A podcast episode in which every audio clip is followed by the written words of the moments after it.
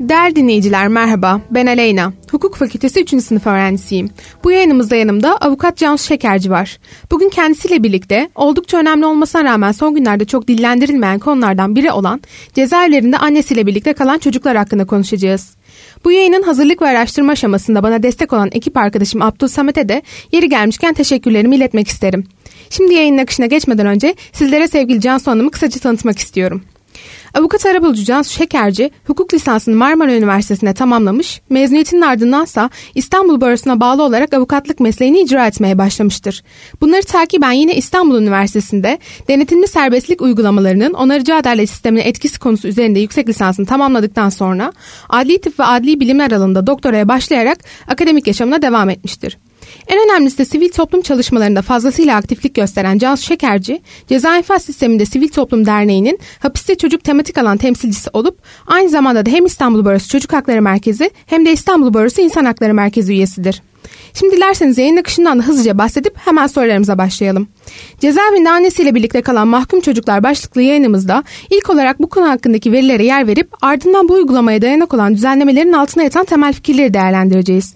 Sonrasında ise çocukların cezaevindeki yaşam koşullarına ve olanaklarına değindikten sonra bu çocuklar için cezaevlerinde yapılan, yapılması planlanan yapılandırmaları da ele aldıktan sonra yayınımızı sonlandıracağız. Ayrıca tabii çocuklara özel bir hukuki hizmet verilip verilmediği ya da bir rehabilitasyon programına dahil edilip edilmediğine de yer vermeyi ihmal etmeyeceğiz. Cansu Hanım hoş geldiniz. Merhaba, hoş buldum. Teşekkürler davetiniz için. Biz de ricamızı kırmayıp konuğumuz olduğunuz için çok memnun olduk. Tekrardan çok teşekkür ederiz. O zaman sorularımıza geçebiliriz. Peki. Türkiye'nin veri paylaşım noktasında biraz sıkıntısı olduğunu düşünüyorum. Genelde paylaşılan veriler güncel olmaktan ziyade 3-4 yıl öncesine ait ve torba bir şekilde oluyor. Örneğin sadece Türkiye'deki tutuklu olan çocukların sayısına ulaşmak isterken yalnızca genel bir tutuklu sayısına ulaşıyorum gibi. Bu konu hakkında da yalnızca Adalet Bakanlığı Ceza ve Tevkif Eyleri Genel Müdürlüğü tarafından yapılan 2021 tarihli bir basın açıklamasına ulaştım. Bu basın açıklamasında cezaevlerinde annesiyle birlikte kalan 345 adet 0-6 yaş grubu çocuk olduğu belirtiliyor. Bunun haricinde de maalesef daha yakın tarihli ve detaylı bir bilgiye erişemedim. Sizin bu konu hakkında bilginiz var mı? Ee, aslında dediğiniz gibi infaz sistemindeki istatistikler çok sınırlı paylaşılıyor. Ee, ve paylaşılan istatistiklerde çok genel çerçevede ayrıştırılmış bir veriye ulaşamıyoruz. Ancak 2021'in başlarından beri yanlış hatırlamıyorsam Ceza ve Tevkif Evleri Genel Müdürlüğü e, hapishanedeki kişilerin sayısını ve yaş gruplarını 2-3 ayda bir düzenli olarak kendi resmi internet sitesinde yayınlıyor. Tabii bunu yayınlıyor ama bu verilere 0-6 yaş çocuk grubu dahil değil. Dolayısıyla dediğiniz gibi bizim de elimizde Adalet Bakanlığı'nın açıkladığı son resmi istatistik 345 çocuğun e, anneleriyle birlikte tutuldu. Bu veriyi de niçin paylaştı? Bir milletvekilinin yaptığı açıklamayı düzeltmek amacıyla paylaştı. Yani aslında beklemediğimiz bir anda bir veri paylaşımı gerçekleşmiş oldu. E, bilgi edinme başvuruları yapıyoruz istatistiklere ulaşmak için. Ancak e, kurum içi işleyişle ilgilidir denerek kamuoyunu ilgilendirmediği gerekçesiyle bilgi edinme başvurularımız yanıtsız bırakılıyor bu açıdan. Dolayısıyla güncel sayıya ulaşmak güç. E, başka bir türlü e, ulaşım şekli şöyle olabiliyor. Meclis İnsan Haklarını İnceleme Komisyonu'nda çeşitli toplantılar toplantılarda e, CT'nin temsilcileri çocukların sayılarına ilişkin ya da durumlarına ilişkin e, komisyon üyelerine bilgilendirmede bulunuyorken denk geldiğimiz bir takım veriler oluyor. Ama dediğiniz gibi son istatistik 345 çocuk olarak biliniyor. İstatistikleri konuşurken şunu unutmamak gerekiyor. Ekleme yapmak istiyorum. E, bu tek bir tarihte hapishanede bulunan çocuk sayısı. Ama aslında annelerin yırçıklarını düşündüğümüzde büyük bir sirkülasyon olduğunu görüyoruz. Yani örneğin 8 Mart 2021'deki 345 çocuk 9 Mart 2021'deki aynı çocuklar olmayabiliyor. Dolayısıyla hapishaneden yolu geçen çocuk sayısının çok daha fazla olduğunu aklımızda tutmamız gerekiyor. Teşekkür ederim. Şimdi gelelim benim kafama en çok takılan kısma. Bu çocukların anneleriyle birlikte kalmasına müsaade edilen düzenlemenin altına yatan temel fikir ne? Yani bu çocuklar neden hem daha sağlıklı ve güvenli bir ortama yerleştirilip hem de annesiyle birlikte yakın temas içinde olması sağlanmak yerine cezaevlerine yerleştiriliyor? Siz bu uygulamayı destekliyor ya da mantıklı buluyor musunuz? Bu düzenlemelerde sizce değişiklik yapılması gereken kısımlar var mı? Ee, çok sıklıkla söylediğimiz bir cümle vardır. Hapishaneler yetişkin erkek heteroseksüel sünni e, sağlıklı kişiler için kurulmuştur. Bunun dışındaki herkes bir istisna olarak hapishanede yaşama dahil olmaya çalışıyor. 0-6 yaş arasındaki çocuklar da benzer bir yerden e, kendileri için asla dizayn edilmemiş şartlarda kaldı ki zaten herhangi bir suç dosyaları da olmayıp annelerinin e, yargılamaları dolayısıyla hapsedildiği için kendileri için asla dizayn edilmemiş bir kurumda tutuluyorlar. Dolayısıyla haklarındaki düzenlemeler son derece sınırlı. İstisnai olarak karşılaştığımız bazı durumlar oluyor. Bu da standartize ve kapsayıcı değil maalesef. Düzenlemenin altında yatan temel sebep aslında anne bakımına muhtaç olması çocuğun ve dışarıda bakmakla yükümlü kimsenin olmaması. Ee, dışarıda bakmakla yükümlü biri varsa da bunu istemiyor olması ya da işte annenin çocukla e, emzirme dönemindeyiz örneğin bağlı olması gereken bir süreç olması. Ee, kanun gerekçesini bu şekilde kuruyor yani çocukların anneleriyle birlikte hapishaneye konulmasında. Ama tabii ki sistem böyle mi olmalı? Hayır çocuğu içeri değil anneyi dışarı çıkartmalıyız gibi bir prensiple yaklaşmalıyız. Bu da hapis cezasının alternatiflerini konuşmamızı gerektiriyor. Ee, örneğin kelepçe yöntemiyle, elektronik kelepçe yöntemiyle denetimli serbestlikle yani ev hapsiyle kişiler dışarıda tut, pardon ev hapsiyle dışarıda hükümlüler tutulabilir. Tutuklu kişilerde yani yargılaması devam edilen kişilerde tutuklama değil bunun alternatifi olarak elektronik kelepçeli izleme yöntemiyle e, muhatap olabilirler. Böylece çocuklar içeride değil anneleriyle birlikte dışarıda tutulabilir. Tabii düzenlemeye baktığımızda feminist teori şuradan da eleştiriyor. Bir çocuğun bakımı yalnızca annenin üzerinde midir? Ya da işte e, çocuk sadece anneye mi ihtiyaç duyar gelişim döneminde? Çocuk gelişimciler de buradan doğru yaklaşıyor. Dolayısıyla sadece anneye bağlılık üzerinden bunu kurgulamak e, aslında çocuk gelişimine ve toplumsal cinsiyet rollerine e, sakıncalı bir eleştiri eleştiriye tabi tutmamıza sebep oluyor. Ee, bunun değişiklik yapılması gereken kısımları dediğim gibi hapsetmenin alternatifleri. Hapsetmenin alternatiflerini konuşurken iki ayrı şeyden bahsediyoruz. Bir tanesi yargılama devam ederken az önce de söylediğim gibi kişinin tutuklama yerine başka tedbirlerle karşılaşması. Bir tanesi de hapis cezası yerine başka yaptırımlarla karşılaşması. Dolayısıyla e, tartışma iki ayrı yerden gitmeli. Şu an infaz kanunundaki düzenlemelerde çocuk bir buçuk yaşına gelene kadar annesinin cezasının infazının ertelenmesi düzenlemesi yer alıyor. Tabi savcılığa bir takdir yetkisi de tanınarak maalesef. Dolayısıyla infazda eşitlikle karşılaşamıyoruz burada. E, ama tutuklu kişiler için böyle bir düzenleme yok. Çünkü bir infazdan bahsedemeyiz tutuklular için. Bu durumda hakimlerin, yargılamayı gören hakimlerin kişinin tahliye edilmesine ve tutuklama yerine eğer gerekiyorsa başka adli kontrollere hükmetmesi gerekiyor. Ee, erkekler ayrılığında hakimin görevine herhangi bir şekilde bakanlığın karışamayacağı ya da cumhurbaşkanının karışamayacağı bir düzlemi düşündüğümüzde hakimin bu bilince sahip olması gerekiyor. E, hüküm, e, hükümlüler içinse zaten bu bir yürütmenin eylemi olduğu için hapishanelerin tabi olduğu mevzuatın bu noktada geliştirilmesi gerekiyor. Son olarak şunu ekleyebilirim. Aslında 0-6 yaştan bahsediyoruz. 0-3 yaş e, çocuğun anneye daha bağlı olduğu düşünülen dönem. 3 yaşından sonra hakim bir değerlendirme yaparak çocuk hala anneyle mi kalmalı yoksa dışarıda alternatif bir bakıma mı e, tabi olmalı? sorusunu değerlendiriyor hakim ve 3 yaşından sonra belki kurum bakımına gönderiliyor belki başka bir aile yakından. Ancak hapishanede olduğu düzlemde çocuk 6 yaşına girdiğinde artık hapishanede kalamıyor. Dolayısıyla bir günde o duvarların dışına çıkmış oluyor. Özellikle uzun hapsedilme sürelerinde çocuk çok küçüklüğünden beri belki doğduğundan beri hapsedildiği düzlemde bir günde annesinden ayrılarak bambaşka bir dünyaya merhaba diyor. Ee, belki hayatında hiç ağaç görmedi, bir ağaç görüyor. En basit şey diyebileceğimiz bir örnek bu.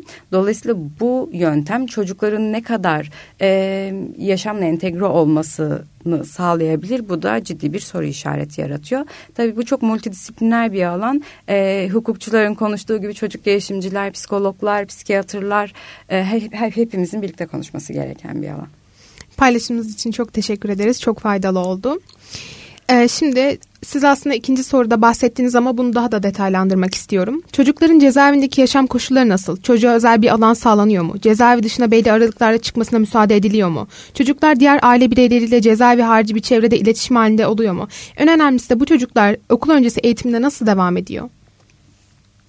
Ee, çocukların tutulma koşulları ile ilgili bir standart yok. Örneğin Bakırköy Kadın Kapalı Ceza Enfaz Kurumu'ndaki yapı, çocuk sayısı, e, Bakırköy hapishanesinin İstanbul'da olması, yani daha çok denetleniyor olması, daha çok ziyarete e, tabi oluyor olması ya da işte eski bir hapishane olması dolayısıyla daha tırnak içerisinde oturmuş bir sistem olabilir. Ya da çocuklar daha kalabalık olduğu için daha zorlu bir sistem de olabilir. Bu çocukların uygulamada karşılaştıkları tecrübeyle ilgili.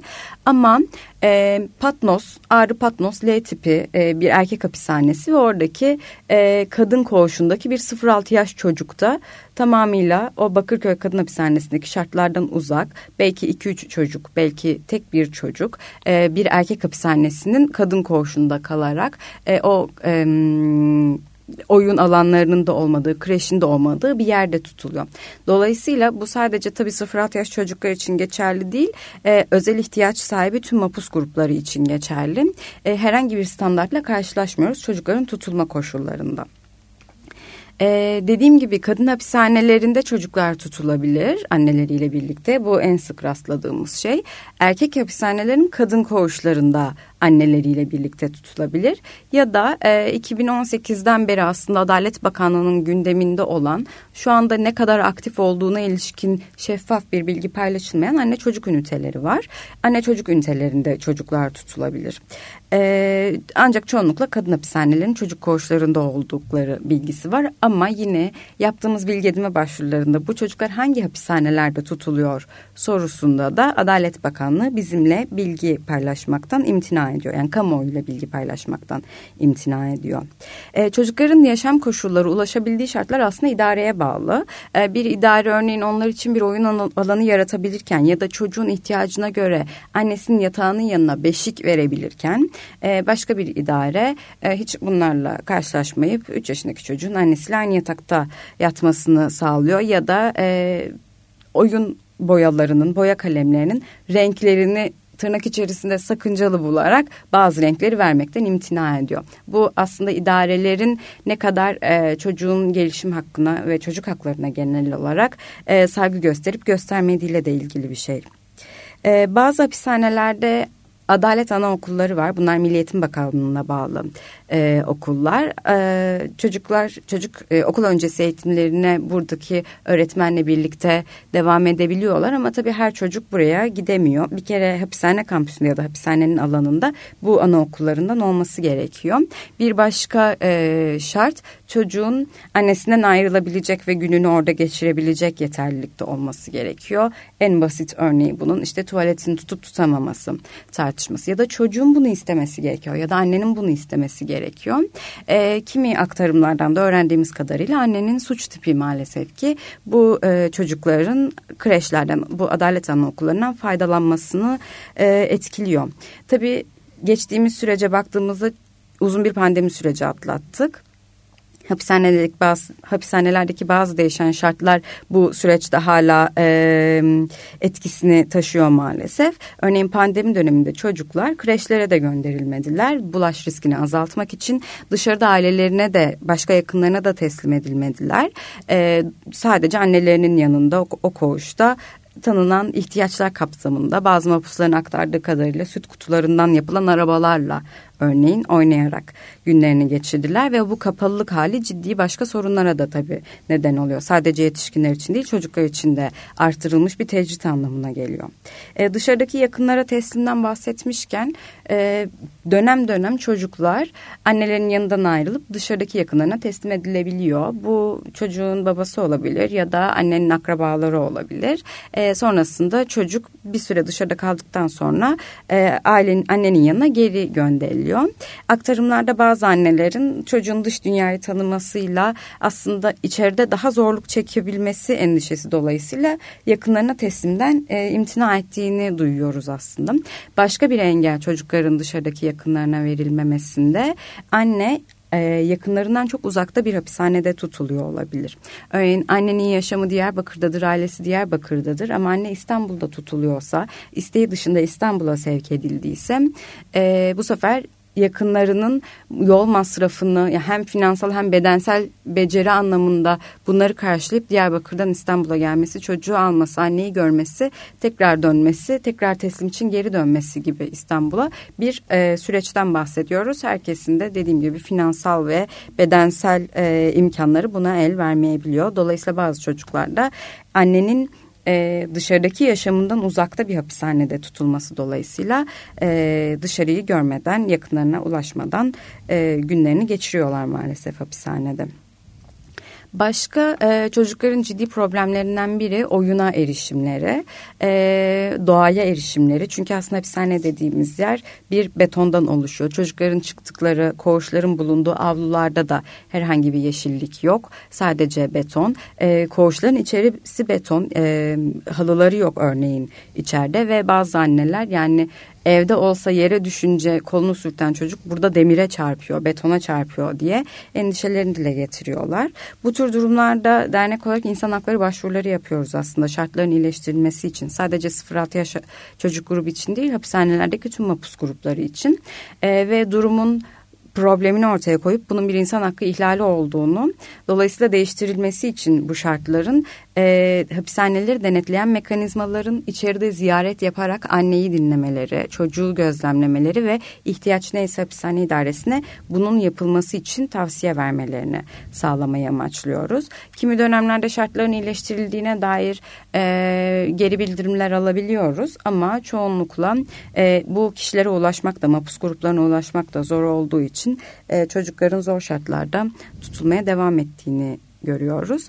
Beslenme açısından şöyle bir şey söyleyebilirim. Ee, çocuklar için ayrıca bir iaşe bedeli tanımlanıyor hapishane idaresi tarafından. Ancak çocuklara verilen yiyecekler e, ihtiyaçlarını karşılayabilecek besin e, değerlerine sahip mi sorusuna annelerin e, iletişime, geçe, iletişime geçebildiğimiz annelerin bir kısmı hayır diyor. Daha doğrusu yani ge, geçebildiğimiz tüm anneler aslında bunu söylüyor. E, dolayısıyla evet bir iaşe bedeli arttırılmış ama bu çocuğun ihtiyaçlarını karşılayabilecek seviyede mi? Önemli bir soru ve iyileştirilmesi gerekiyor hali hazırda. Kantinde mama var ama biliyorsunuz bu mamaların e, raf ömürleri kısa olduğu için anneler bu mamaların tarihinin geçtiğinden bahsederek bize geri dönüşler yapıyor. Dolayısıyla bir düzlemde ya şöyle bir şey yaptık kantine mama koyduk değil sadece bunun takibinin de faydalı e, sağlanması gerekiyor. Bu kadar aktarabilirim. Paylaşımlarınız için çok teşekkür ederim. Ulaşamayacağımız şeyleri aktardınız aslında bizlere. Şimdi diğer sorumuza geçelim hemen. E, son okuduğum 2020 tarihli makalede bu çocuklar için cezaevlerinde yeni yapılandırmalar yapıldığı bilgisini edindim. Ancak bunun ardından yaptığım araştırmalarda bu planlanan yapılandırmaların somut sonuçlarına pek de ulaşamadım. Bu yapılandırmalar hayata geçirildi mi bir bilginiz var mı? Ya da bu konu hakkında hayata geçirilmekte olan ya da geçirilecek fikirler var mı? Sizin bu husus hakkındaki önerileriniz neler? Ee, anne çocuk üniteleri 2018 yılında bizim ilk defa duyduğumuz e, hapsetmenin alternatifleri konferansı düzenlemiştik CIST olarak. Orada Adalet Bakanlığı temsilcilerinin böyle bir girişim olduğunu bahsettikleri bir e, haberdi bizim için. E, süreç içerisinde çeşitli engellerle belki zamanında yapılmadı ama şu an bildiğimiz kadarıyla yani Adalet Bakanlığı'nın kendi resmi sitesinde de fotoğraflarıyla birlikte ilgilenenler girip bakabilir. Fotoğraflarıyla birlikte lanse ettiği üzere Sincan'da bir anne çocuk ünitesi var. Diyarbakır'da anne çocuk ünitesi yapılması planlanıyordu. Yaptığımız görüşmelere göre e, bir şekilde tamamlandığı söyleniyor ama hiç mapus kabulüyle ilgili bir bilgiye sahip değiliz. E, dolayısıyla şu an iki tane anne çocuk ünitesinin resmiyette e, çocuk e, pardon kadın hapishanelerine bağlı olarak kurulduğunu biliyoruz. Tekrar ediyorum mapus kabulüyle ilgili ayrıntılı bir bilgiye sahip değiliz. E, mapus kabul edildiği noktasını yani şu an aktif olarak işlediği nokta e, ihtimalinde anne çocuk üniteleri ne işe yarar, iyi bir yöntem midir diye değerlendirdiğimizde aslında görece evet e, kadın hapishanelerini ya da işte erkek hapishanelerinin kadın koğuşlarında kalan çocuklara göre oyun alanları dolayısıyla çocukların risk ve ihtiyaçlarını analiz edebilecek uzmanlar bulundurmaları dolayısıyla daha e, avantajlı bir ortama sahip olabilir. Yani en azından çocukların ve annelerin ayrı ayrı yatakları olabileceğini biliyoruz gönderilen fotoğraflarda, yayınlanan fotoğraflarda böyle gözüküyor. E, görece daha iyi olduğunu düşünüyoruz. Ama şu an için daha doğrusu Mart 2021 itibariyle 345 çocuk varken iki tane anne çocuk ünitesinin Toplamda yaklaşık e, kapasiteleri 100 diye hatırlıyorum. E, 100 kişilik bir kapasiteyle kurulduğunda hangi anneler ve çocukları buraya gönderilecek kısmında yine bir infazda eşitlik yaratılmama endişesi karşımıza çıkıyor. Dolayısıyla e, daha ağır şartlarda tutulan mapusların e, suç tipleri dolayısıyla çocuklarıyla buralara erişememeleri gibi bir risk var. Yine annenin pozisyonu dolayısıyla çocuğun daha ağır e, tırnak içerisinde cezalandırılması, cezalandırılmasıyla karşılaşıyoruz.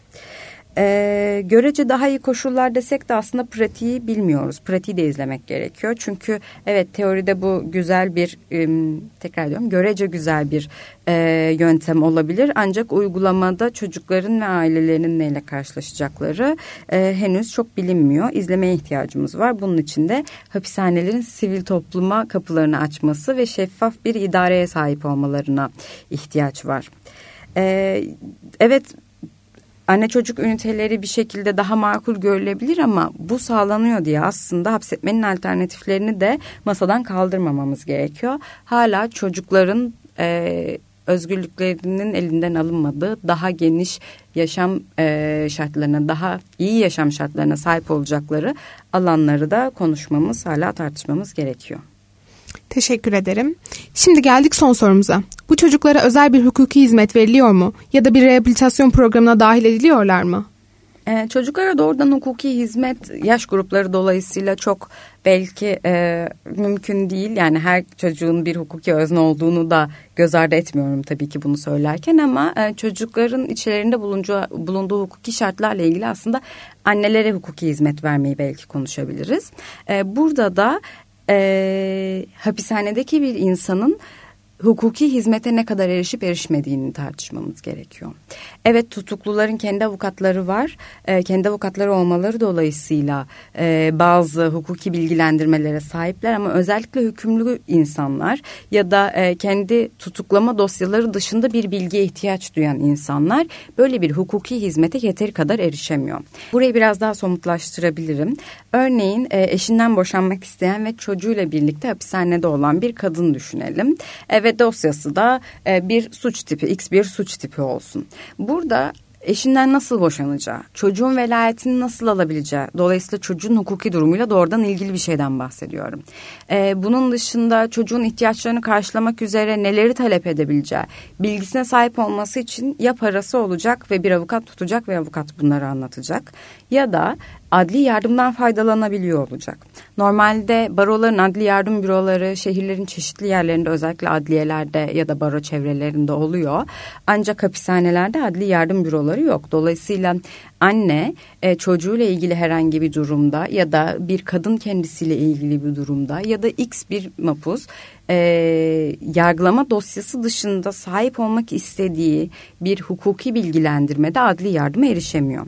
Sorunuza dönecek olursak bu çocuklar özelinde de benzer bir şekilde anne e, çocukların hukuki olarak durumlarını güçlendirebilecek ya da çocukla kendi arasındaki hukuki bağı güçlendirebilecek bir bilgiye sahip olamıyor maalesef ki. Ee, bunun dışında sadece hukuki hizmet değil sosyal hizmeti de biraz düşünmek gerekiyor. Özellikle çocuklar için bunun çok önemli olduğunu düşünüyorum. Burada tekrar bu alanın ne kadar multidisipliner olduğunu hatırlatmaya ihtiyacım var. E, bu durumda da sosyal hizmete erişebilmeleri için çocukların tutulma şartlarının ne olduğu, çocuk koruma kanunu kapsamında hangi e, desteklere ihtiyaçları var. Bunların tespiti için risk ve ihtiyaç analizinin yapılması gerektiği bir düzlemdeler. Ancak e, hapishanelerdeki psikososyal servisteki uzmanların böyle bir desteği sağlayabilmesi için çocuk odaklı bir e, uzmanlığa sahip olmaları gerekiyor. Düşünün ki 350 kişilik bir hapishanede 5 tane çocuk var ve 350 kişiyi görmek zorunda olan, takip etmek zorunda olan bir psikososyal serviste 4 kişi olsun bu psikososyal serviste e, çocukların ihtiyaçlarını gözetebilecek ayrı bir bilinç seviyesine ihtiyaç var. E, maalesef ki yapılan aktarımlarda mapuslar üzerinden ki bu aktarımları mektup faaliyetlerimizle ve e, danışma hattımızla sağlıyoruz. E, böyle bir e, çocukların tutulma şartlarını ya da e, sosyal anlamda kendilerine e, pardon çocukların sosyal anlamda e, beslenmelerini sağlayacak düzenlemelerin bu servisler tarafından sağlanmadığını görüyoruz. Rehabilitasyon kısmına buradan atlamak istiyorum. Psikososyal servis dolayısıyla bünyesine psikologlar da barındırdığı için e, bir rehabilitasyon amacı da taşıyabilir. Burada yanlış anlaşılmasın hapishaneler rehabilite edici yerlerdir kısmına gelmesin ama en azından e, psikososyal servisin görevini yerine getirmek açısından e, bir iyileştirme faaliyeti olması gerekiyor. E, buradaki kişilerin de yine e, çocuk psikolojisinin ile ilgili bilgi sahibi olması gerekiyor ve tekrar ediyorum yeterli zamana ulaşması gerekiyor. E, yaptığımız mektuplaşmalarda annelere çocuğunuzla ilgili psikologla görüşebiliyor muyuz görüşebiliyor musunuz sorusunu sorduğumuzda e, maalesef yeterli bir e, destek almadıklarını, bu psikoloğun yoğunluğundan kaynaklandığını, dilekçe yazdıklarında görüşemedikleri gibi dönüşlerle karşılaşıyoruz. E, bu tüm bahsettiğim çocukların tutulma koşulları ve annelerin tutulma koşulları ile ilgili e, bağlantılı olarak aslında Birleşmiş Milletler'in Bangkok kuralları var. Burada ayrıntılı bir şekilde e, hapishanelerdeki kadınların hangi şartlarda tutulması ya da nasıl izlenmesi gerektiği ortaya konuyor. E, genel olarak çatı kadınlar üzerinden ama hapishanelerdeki kız çocuklarıyla ve hapishanelerde anneleriyle tutulan çocuklarla ilgili de e, öneriler getiren bir kurallar listesi bu. E, burada çocukların 0-6 yaş çocuklar için çocukların e, uzmanlarca sürekli izlenmesi gerektiği ve risk ve ihtiyaçlarının tespit edilmesi gerektiği vurgusu var. Ve bunun dışında aslında çocuklar üzerinden hep konuşurken bir yandan annelerin de çocuklara nasıl bakacağını bilmesi gerekiyor. Daha doğrusu bilmeye ihtiyacı olabilir. Annelere de aynı şekilde hapishanelerde bir e, eğitim verilerek annelerin duyduğu kapsamda bir eğitim verilerek annelerinin de çocukların bakımı için desteklenmesi gerektiği ortaya konuyor. E, kurallar çok daha geniş ve e, bana kalırsa doyurucu e, hakların iyileştirilmesi açısından bu da tartış, e, masamızın üzerinde durması gereken e, bu konuları tartışırken bilmemiz gereken bir e, ilke olduğunu düşünüyorum. Teşekkür ederim. Az önce de belirttiğim gibi sorularımızın sonuna geldik. Sizin de eklemek istediğiniz başka bir şey var mı Cansu Hanım? Hayır çok teşekkür ederim beni davet ettiğiniz için. Umarım e, şartların daha iyileştirildiği durumlarda tekrar bir araya gelebiliriz. Umarım öyle olur. Bizim de temennimiz bu yönde. Benim için gerçekten çok bilgilendirici bir yayın oldu. Sayenizde aklıma takılan hususları az da olsa soru işaretlerini kovabildim bu kapsamda. Davetimize karşılık verdiğiniz için tekrardan çok teşekkür ederiz. Başka yayınlarda da görüşmek dileğiyle hukuk ve sağlıkla kalın. Sağ olun. Hoşçakalın.